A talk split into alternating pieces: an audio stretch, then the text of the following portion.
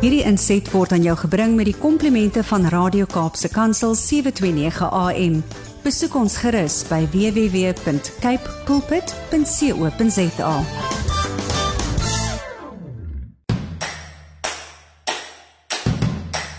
Dit is net na 7, dit is Saterdag die 24ste Desember van 2022. Dit beteken dat ons saamkuier op Ou Kersdag van 2022. 'n Hartlike goeiemôre van my Willem van Jaarsveld, jou gasheer. Dis 7 en 8 elke Saterdag op die senders van Radio Kaapse Kansel. Ons saai uit op 729 AM, 729 MW, asook wêreldwyd op die internet. Vanoggend lyk ons program as volg.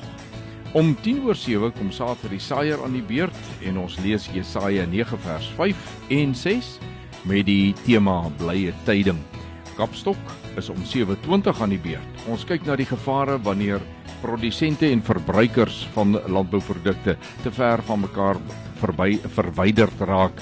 Uh die begrip vir mekaar se omstandighede nie altyd so duidelik het nie. Dr Theo de Jager het hierop uitgebrei tydens 'n vraesessie van 'n boeredag. Huis en hart begin om 7:30. In die eerste deel van Huis en hart gesels kollega Gerda Leroux met Alida Nudee, kliniese audioloog van Amtronics oor niks anderster as gehoortoetse by melkkoeie nie. Dis belangrik dat 'n melkkoe moet hoor hoor. Daarna vertel dokter Mohammed Zardar van LNR meer oor turfbrande en veenlande. In die tweede helfte van Huis en Hart gesels Gerda Leroux met Pieter van der Westhuizen van die Volhard Boerbokstoet oor die Wes-Kaapse Boerbokklap. Stories van hoop kom omstreeks 10 voor 8 aan die beurt en pastoor Enslin van Vredendal gee vir ons 5 klippies vir die lewenspad. 'n Baie interessante mededeling. Dis die laaste van die stukkies brokkies wat ek bymekaar gemaak het uit sy eh, toespraak by 'n boeredag daar naby Citrusdal. Dit dan vir oggend 5 klippies vir ons lewenspad. Ja, dis lekker om so amper aan die einde van hierdie maand en hierdie jaar steeds met jou te kan gesels hier op Landbou Landskap. Ons uh, kyk wat is vir môre alles aan die beurt. Bly ingeskakel. Ek is nou weer by jou. Landbou landskap word aan jou gebring met die komplimente van Cape Pots varsprodukte mark. Ek nooi jou om met ons te gesels op die volgende nommers. Jy kan deur middel van die WhatsApp en Telegram nommer 0817291657 met ons gesels of jy kan 'n SMS stuur na 37988. Jy kan ook per e-pos met my gesels by wilhelm@capepulpit.co.za. Ons gaan net hierna verder gesels, bly ingeskakel. Ek weet daar is reg deur die Christendom 'n uh, verskeidenheid van sienings rondom Kersdag. Daar is diegene wat sê ja, maar dis totaal die verkeerde datum, dit is die verkeerde tyd van die jaar, dit is dit en dit is dat. Hoe dit ook al sê, ons gaan ver oggend nie harde daaroor kloof nie, ons gaan bloot vir mekaar sê wat 'n wonderlike voorreg dat ons dan op die vooraand van 'n dag wat ons dit goed gedink het om daardie belangrike gebeurtenis, die geboorte van Christus te kan gedenk. Kom ons by mekaar en ons praat vandag nog gou oor landbou. Nie vir ou laas nie, ons gaan weliswaar later in hierdie maand op die laaste dag van hierdie maand gaan ons weer met mekaar gesels oor landbou, maar vandag 'n baie besonderse dag en daarom ook die gedeelte Jesaja 58 vers 11 net hierna in saad vir die saaier. Dit het nou tyd geword vir eh, saad vir die saaier en vanmôre die tema blye tyding. En ons lees Jesaja 9 vers 5 en 6 en daar staan want 'n kind is vir ons gebore 'n seun is aan ons gegee en die heerskappy is op sy skouer en hy word genoem wonderbaar raadsman sterke God ewige Vader vredevors tot vermeerdering van die heerskappy en tot vrede sonder einde op die troon van Dawid en oor sy koninkryk om dit te bevestig en dit te versterk deur reg en deur geregtigheid van nou af tot in ewigheid die ywer van die Here van die leerskare sal dit doen. Die wonder van hierdie aankondiging in Jesaja is dat dit lank lank voor die geboorte van Christus reeds was. Dit is een ding as die drie wyse manne die geboorte van Christus aankondig. Dit is net hier voor hulle. Dit is sover jy kan dit eintlik sien. Maar wanneer Jesaja skryf dit wat hy hier geskryf het, dan is dit wonderlik om te dink dat soveel jare voordat dit gebeur het, is dit aangekondig vir die wat dit verstaan het, vir die wat geweet het waarop hierdie woorde dui moes dit 'n vreugdevolle oomblik gewees het veral vir Jesaja in besonder wat die Messias verwag het wat verwag het dat daar 'n verlosser sal kom. Weliswaar nie die koning wat die Jode verwag het nie maar dan 'n geestelike verlosser in by en by name Jesus Christus. En hier kondig hy dit aan. Hy beskryf dit te pragtig hy gee die naam. Hy word genoem wonderbaar raadsman sterke God ewige Vader vredevors en ter eh, het, ek wil amper sê ter bevestiging van dat dit iets ewigs is wat aan die kom is praat hy oor die ewigheid in der ewigheid van nou af tot in ewigheid en dat die ywer van die Here met hoofletters dit beteken die ywer van God sal dit laat gebeur. Die die ywer van die Here sal dit doen. Dis nie net 'n belofte nie dis 'n versekerdheid dit sal gebeur. Wat 'n wonderlike voorreg. Ons is so dankbaar dat daardie dag toe wel aangebreek het met die geboorte van Christus. Kom ons bid saam. Vader in die naam van Jesus, hierdie verlosser, hierdie vredevors, hierdie raadsman, sterke God, ewige Vader, wil ons vandag vir U sê baie dankie dat ons deur hom tot u kan kom. Dankie dat u 'n plan gehad het om die vervalle mens, die gefalle mens met u te versoen deur u seun te gee as 'n lewendige offer, 'n bloedoffer vir ons sonde. Deurdat hy vir ons gesterf het, het ons die vrymoedigheid en die geleentheid om vandag met u te praat. Ons wil net dankie sê daarvoor. Baie dankie in Jesus naam. Amen. Een van die kenmerke of dan ook die doelstellings van hierdie landboulandskap program is juis om aan die verbruiker van landbouprodukte, jou die luisteraar wat nie noodwendig boer nie, maar ook aan die boer wat hy is ook 'n verbruiker van landbouprodukte, maar hy is 'n produsent. Hy is baie betrokke by die ander kant van die spektrum om hierdie twee uiterstes bymekaar te hou of by mekaar te bring en hulle dan by mekaar te hou want dit is so belangrik.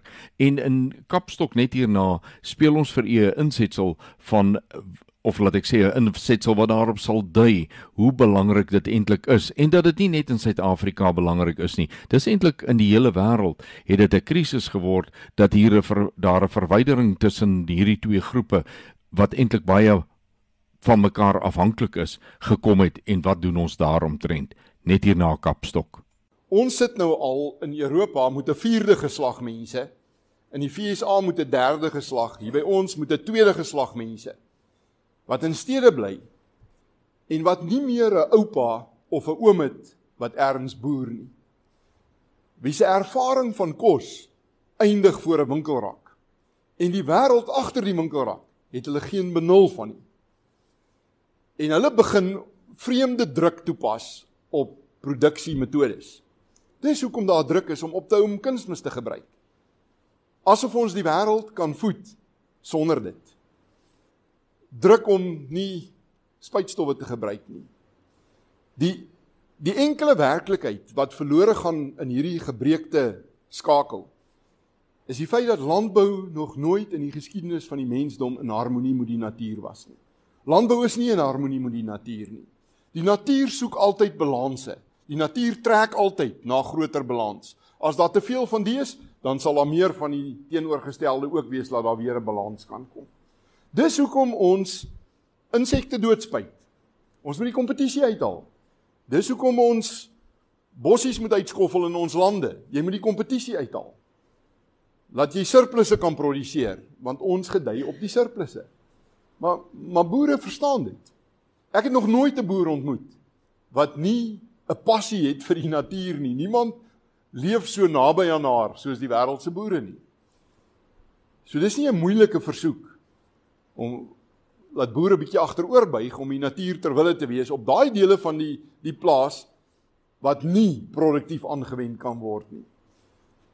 Ek het nog nooit 'n boer ontmoet wat veeboer wat nie lief is vir diere nie. Anders sou jy nie moet vee geboer het nie. Maar tog, die druk aan die verbruikerskant laat 'n mens moet wegbeweeg van diereproteïene. Kom daarvan. Hulle weet nie hoe werk die wêreld agter die winkelrak nie. Hulle verstaan nie lewe en dood nie. Hulle verstaan nie dood nie, want dit gebeur nie in stede nie, dit gebeur iewers in 'n hospitaal of so. En die uitdaging nou is om ons kommunikasie moet die nuwe mark in plek te stel om dit te, te verduidelik. En ons kommunikasie was nie baie goed nie. Waar ek elders in die wêreld met landbouunies praat, sê ek altyd die heel belangrikste persoon wat in julle kan aanstel in julle kantoor is die kommunikasiebeampte. Kommunikasie onder boere, kommunikasie veral met die mark en kommunikasie met die beleidsmakers. Ek gaan jou 'n eenvoudige voorbeeld gee, nê. Nee, daar was nou hierdie vreeslike uitval. Ek ek sien dit is op op op YouTube gelaai tussen my en die minister van landbou in in Nederland gewees verlede week daar in Sharm el-Sheikh. Hierdie minister sê ons het tot aksie oorgegaan. Ons het onsself deur wetgewing daartoe verbind dat ons ons nasionale beeskudde met 50% gaan sny teen 2030. Nou kyk, dis hoekom die die die Hollandse boere die strate gevat het, nê, nee, en in blok met hulle trekkers en goed.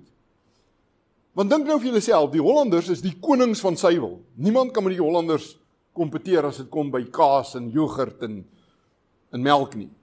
Die gemiddelde Friesland Holstein in in Nederland gee vir jou tussen 32 en 33 liter melk per dag. Dis die gemiddeld. Daar's wat baie beter nog as dit presteer. Nou sê hulle die die Hollanders, hulle sê in die debat wat hulle in die parlement gevoer het, dat hulle verstaan dit kan nie oral in die wêreld so gebeur nie. Hulle verstaan dat daar's 'n tekort aan diereproteïene veral in Afrika, dan noem hulle Ethiopië. In Ethiopië behoort hulle selfs 'n bietjie meer beeste nog toe te laat. Maar duidelik was niemand van hulle nog in Ethiopië nie. Daar's meer beeste as mense in Ethiopië.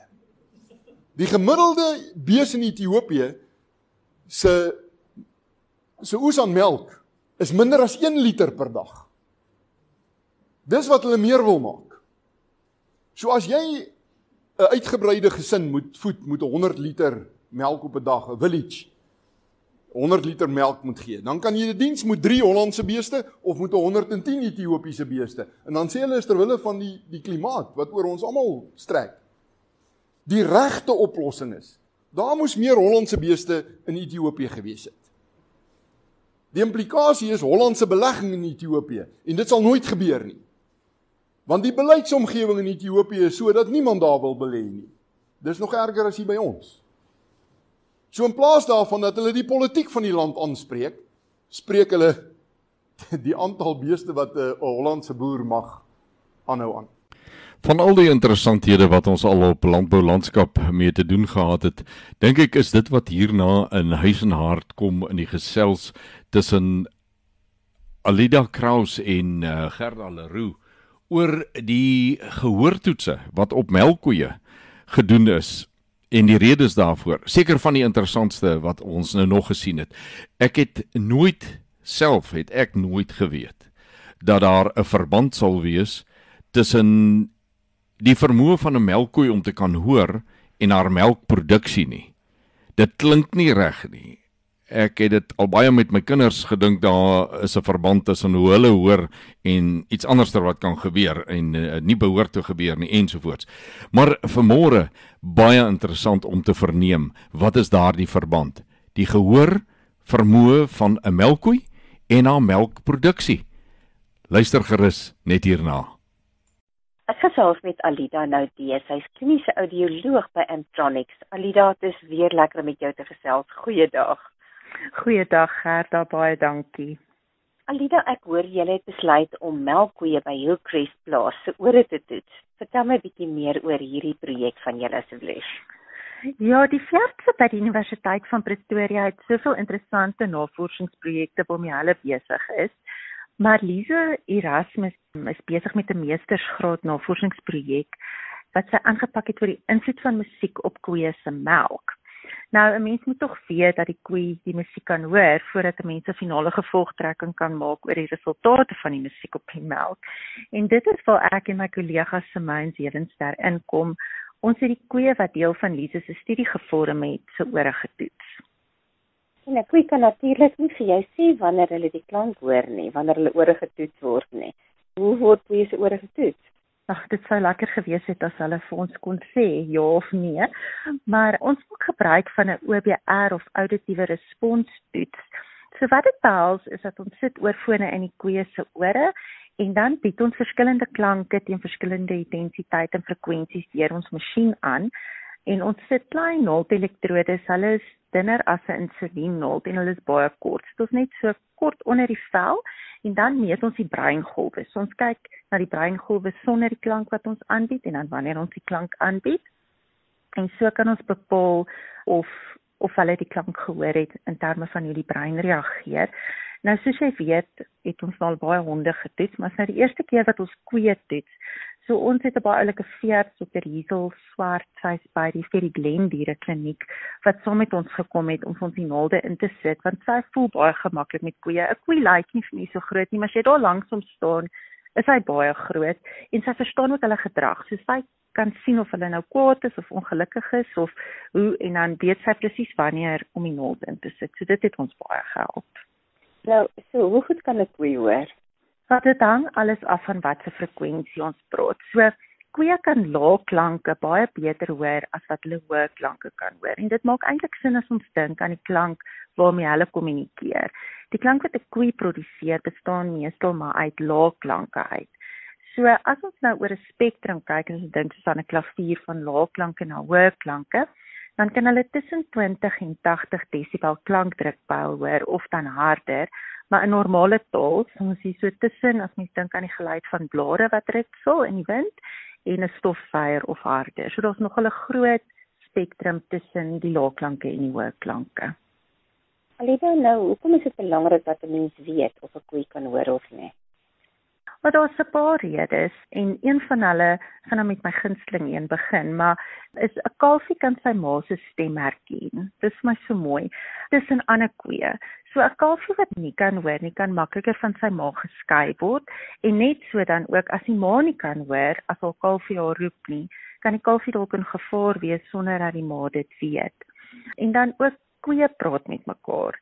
So dit is vir hulle veiligheid, maar ook vir hulle sosialisering. Dit maak hulle kalm. So dit het 'n impak op hulle gemoed. So 'n koei wat nie kan hoor nie, mag dalk geklassifiseer word as 'n moeilike of onvoorspelbare koei in terme van gedrag. En dan koeie reageer ook op ander spesies se kommunikasie. So koeie ken hulle eienaar se stem, kan die eienaar se stem tussen ander mense se stem uitken en kan dan ook reageer op verskillende instruksies wat dan belangrik is natuurlik ook met die melkkoeie as hulle nou moet in die stalle ingaan en natuurlik kan die koe dan nou net reageer op daai instruksies as die koe kan hoor. En dan laastens, wanneer daar gehoorverlies is in 'n koe, kan dit 'n aanduiding wees van sekere siektes of van die oor of van die brein. So dit is belangrik om dan te identifiseer of enige behandeling nodig is. Ons het nou gepraat oor gehoortoetse wat julle op honde doen en ons het nou gepraat oor die koeie. Watter ander dienste lewer julle?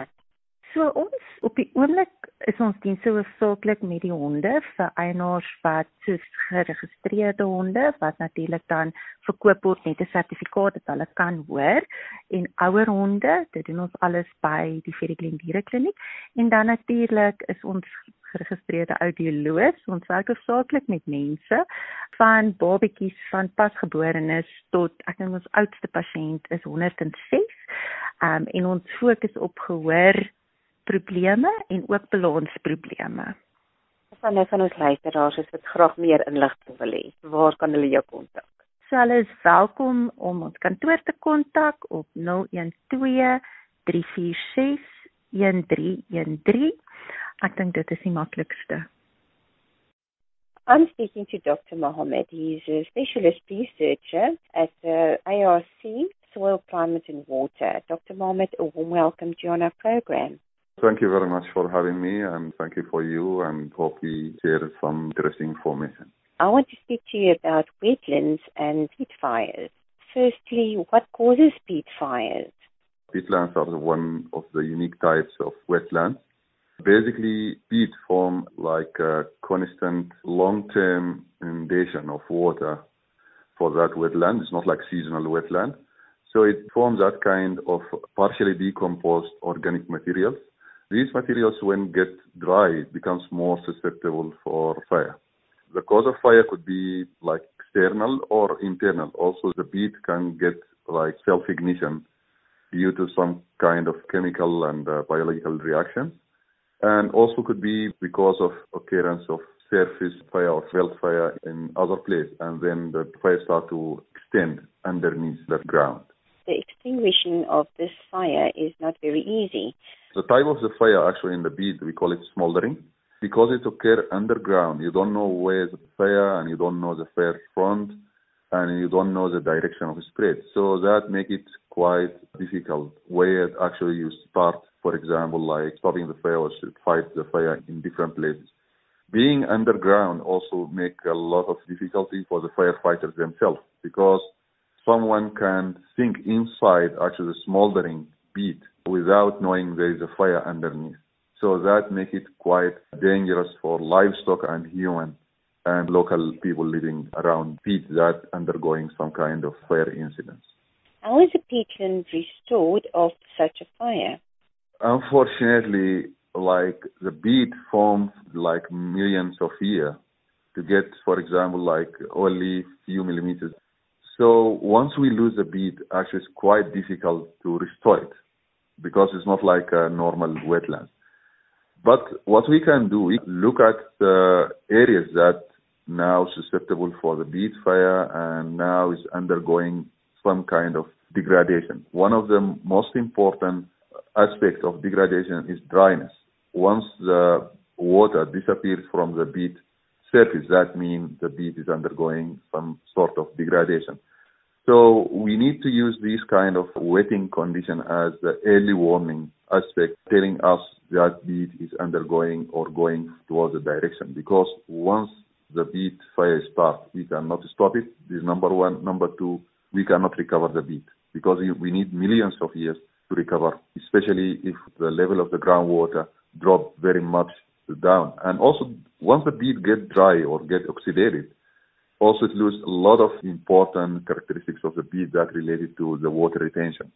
For that reason, prevention is more important than going for the restoration because restoration activities could be like we cannot restore it, but we can stop it at the current condition. Dr. Mohammed, now I'm very curious.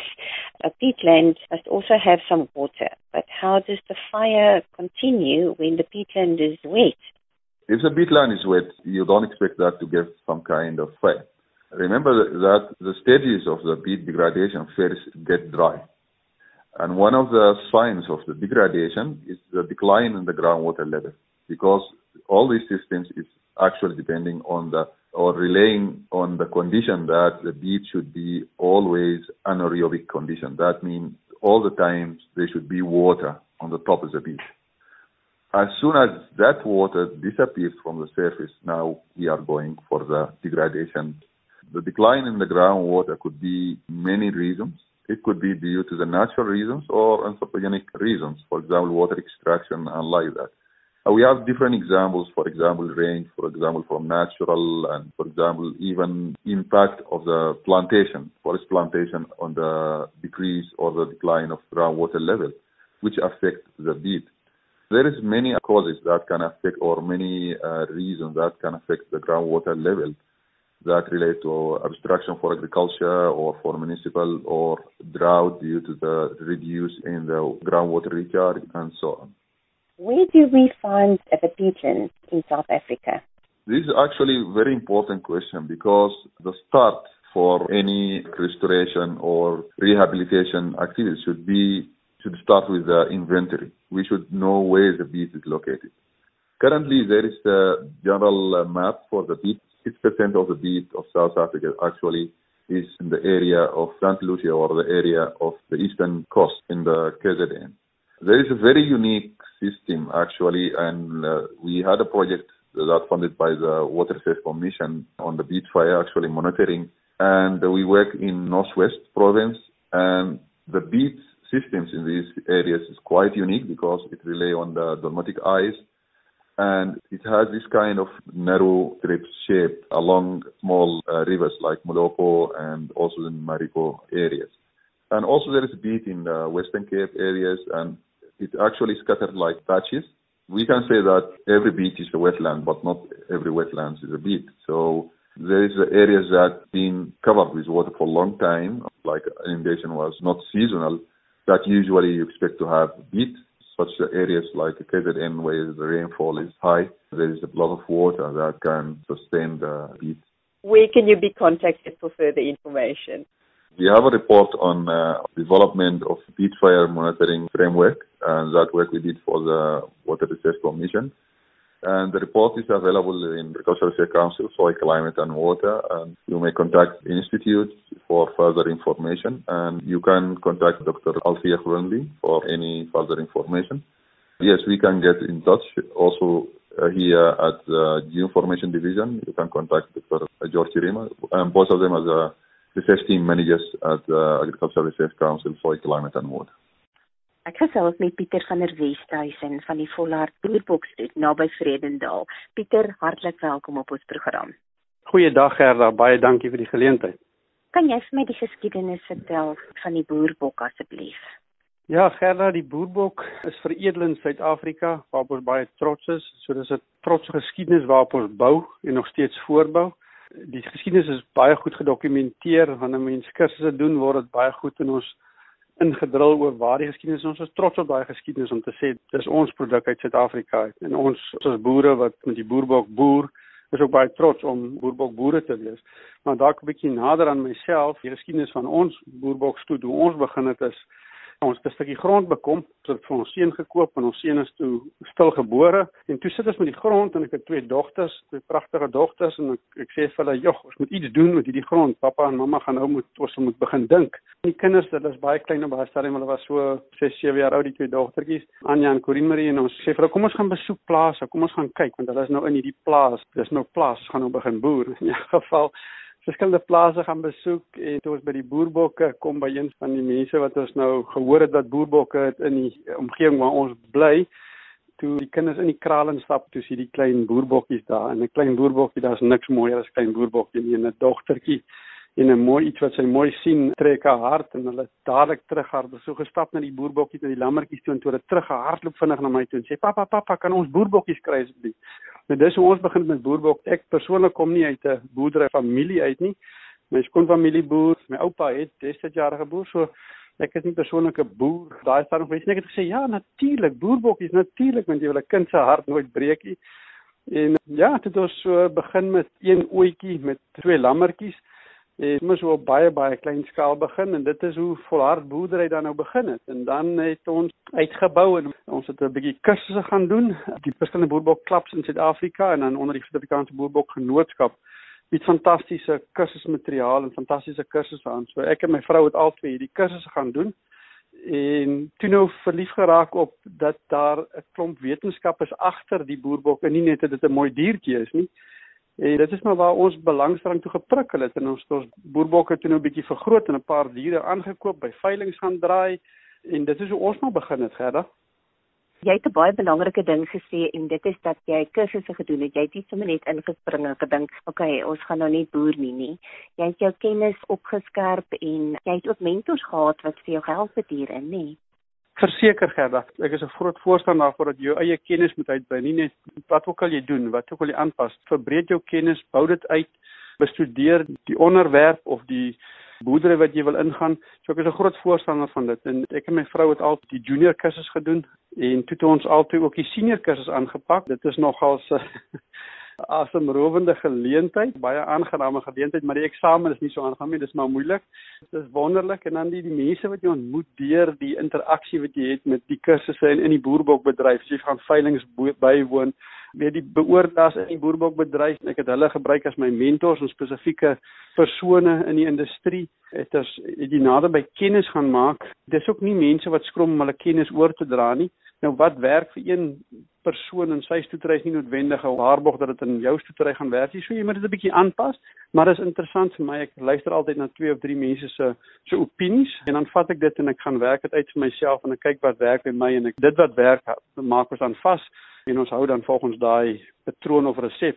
Maar dit is sommer 'n lewensles van my af. Ek luister na verskillende opinies en verskillende rade en dan maak ek my eie besluit, want ek is op die einde van die dag een wat die besluit moet deurvoer, dan kan ek nie iemand anders blameer nie.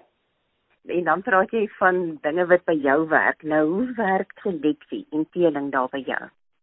Nou Gerda, ons is eintlik 'n baie klein stoetery. Ons het van vroeg af besef dat ons 'n kleinerige stukkie grond, hoe op, op meer intensief En ek het van vroeg af besef dat alles gaan oor kwaliteit.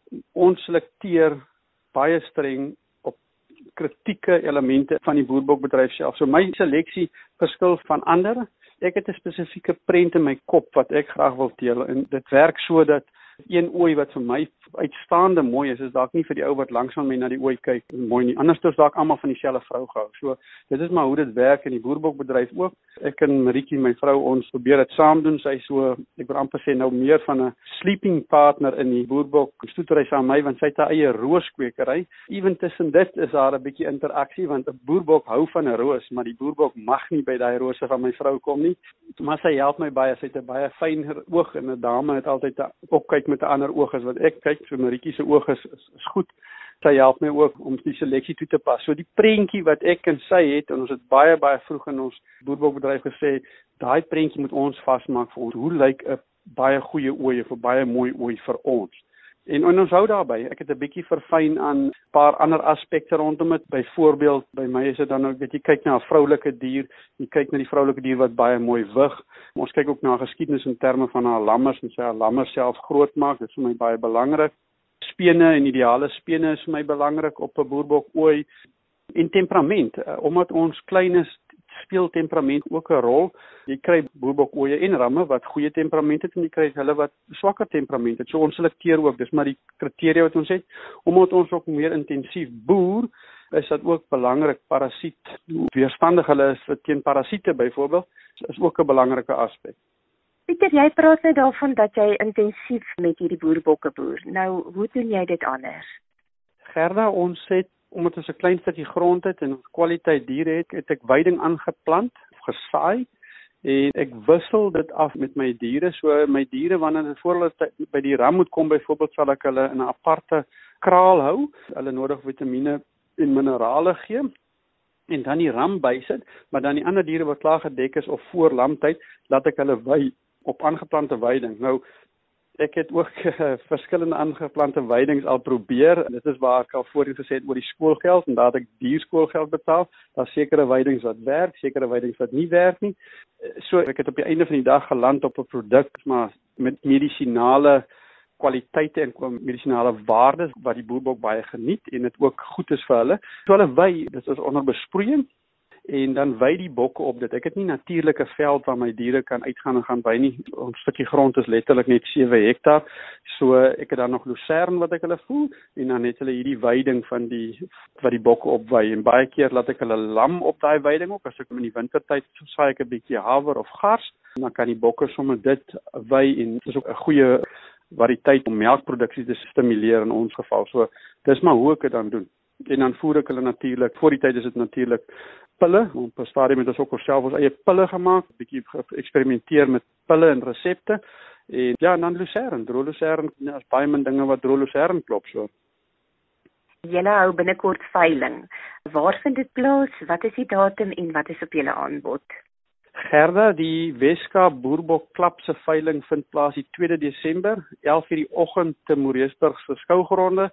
Dis beloof om 'n lieflike dag te wees. Die kering sal plaasvind die 1 Desember vir so potensiële kopers, ag mense wat sommer net wil kom leer op in die boerbok, kom die 1 en die 2 Desember Moreesburg toe. Ons is klaar in 'n feesatmosfeer vir Kersfees. Kom kuier saam met ons. Dit gaan 'n ongelooflike aanbieding wees. Daar's 120 30 ongeveer 130 oeye, daar's omtrent 30 ramme wat aangebied gaan raak. Dis nou rowwe syfers nie eksakte getalle nie, dit wissel maar nog.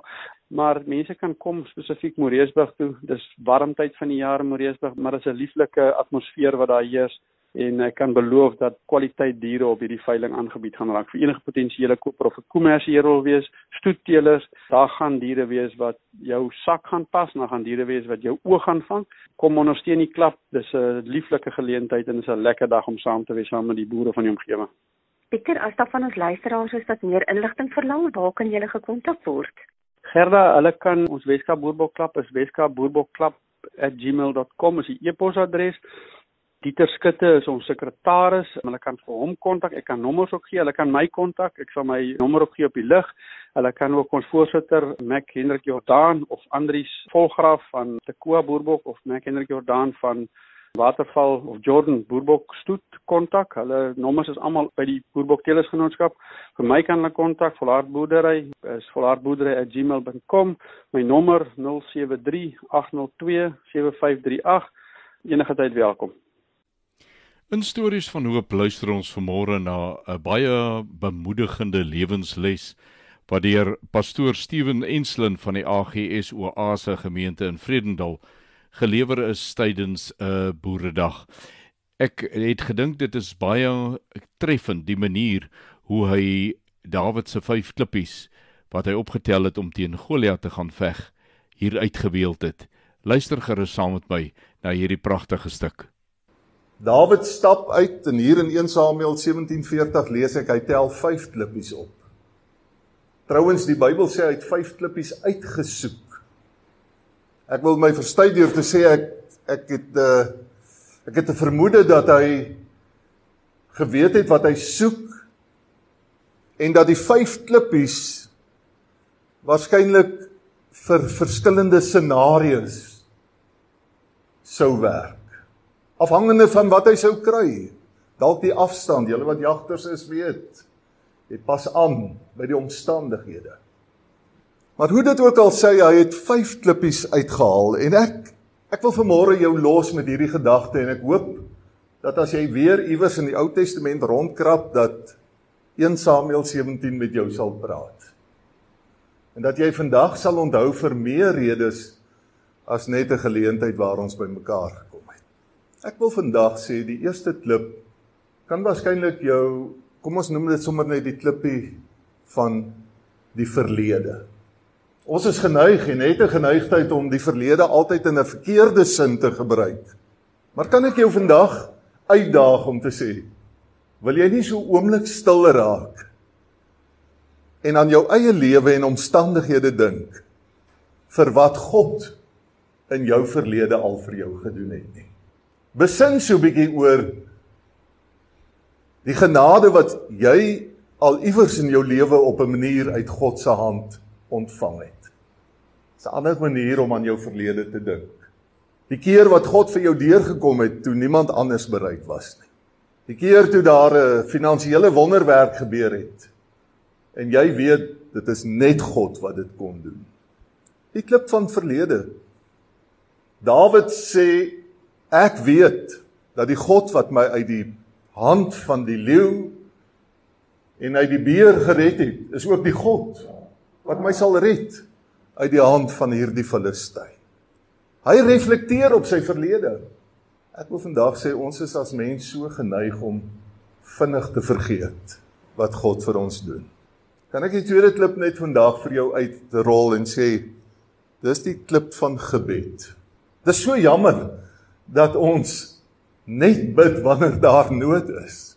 Ek wil vandag vir jou sê dat ek dink kom ons sê dit in die in die konteks van waaroor ek praat, moenie jou Goliat aanpak sonder gebed nie. Die beste strategie moet gerigsteen word deur gebed, asof sy lewe daarvan afhang. Die derde klip, klipie van prioriteite. Waar ek en jy nog ons lewe so leef dat God se reputasie ons fokus is. God deur ons lewens en deur ons boerdery en deur ons besighede die eer kry. God se reputasie ons fokus. Dawid het niks vir homself gedoen nie. Trouwens as 'n mens gaan kyk na Jesus se lewe, selfs Jesus, die seun van God, sorg dat die fokus op God die Vader bly. Ek dink ons het 'n taak en watter beter plek as juis die landbousektor om Christus te spieël in hierdie wêreld. Christus te reflekteer. Los jou met die laaste twee klippe en ek wil vanmôre sê ek dink die laaste een is die klip van passie. Miskien het dit tyd geword dat ons weer met oorgawe ons uitdagings aanpak. Die woord by die daad voeg. Bely dat hy wat vir ons is en saam met ons is groter is as hy wat in die wêreld is. Ons moenie bekommerd wees. Wil ek vandag sê soos wat Dawid dit hier aan die manne bekend gemaak het en geprop uh, uh, geproklaameer het. Ons moenie bekommerd wees oor hierdie vyand nie. Het ons nie in die laaste tyd al hoe meer gehoor dat die God wat ons tot hier toe gebring het, ook die God sal wees wat ons sal vat van hier af vorentoe. En ja, ter wille van jouself wil ek vandag sê, die laaste klip is miskien die swaarste een. Die moeilikste een. Dis die klippie van volharding.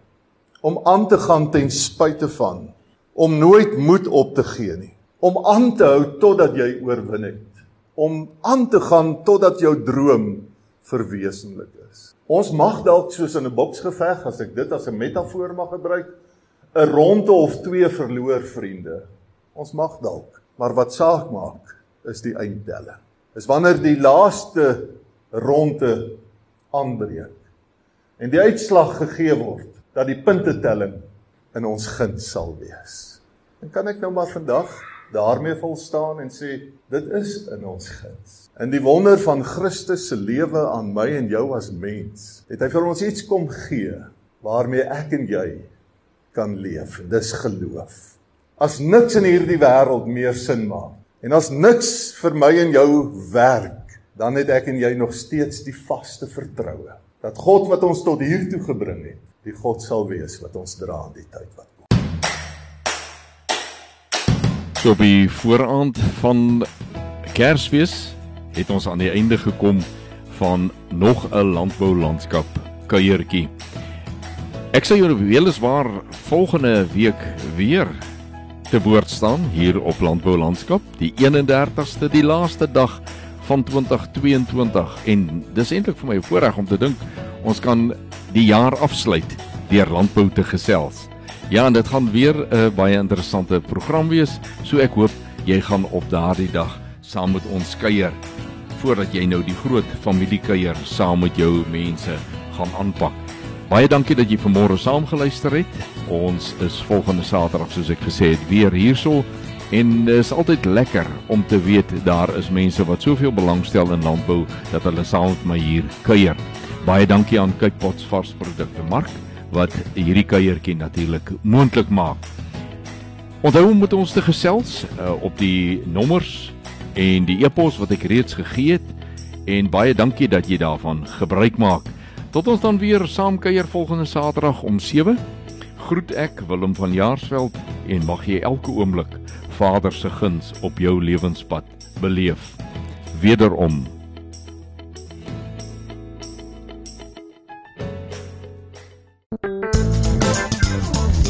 Hierdie inset was aan jou gebring met die komplimente van Radio Kaapse Kansel 729 AM.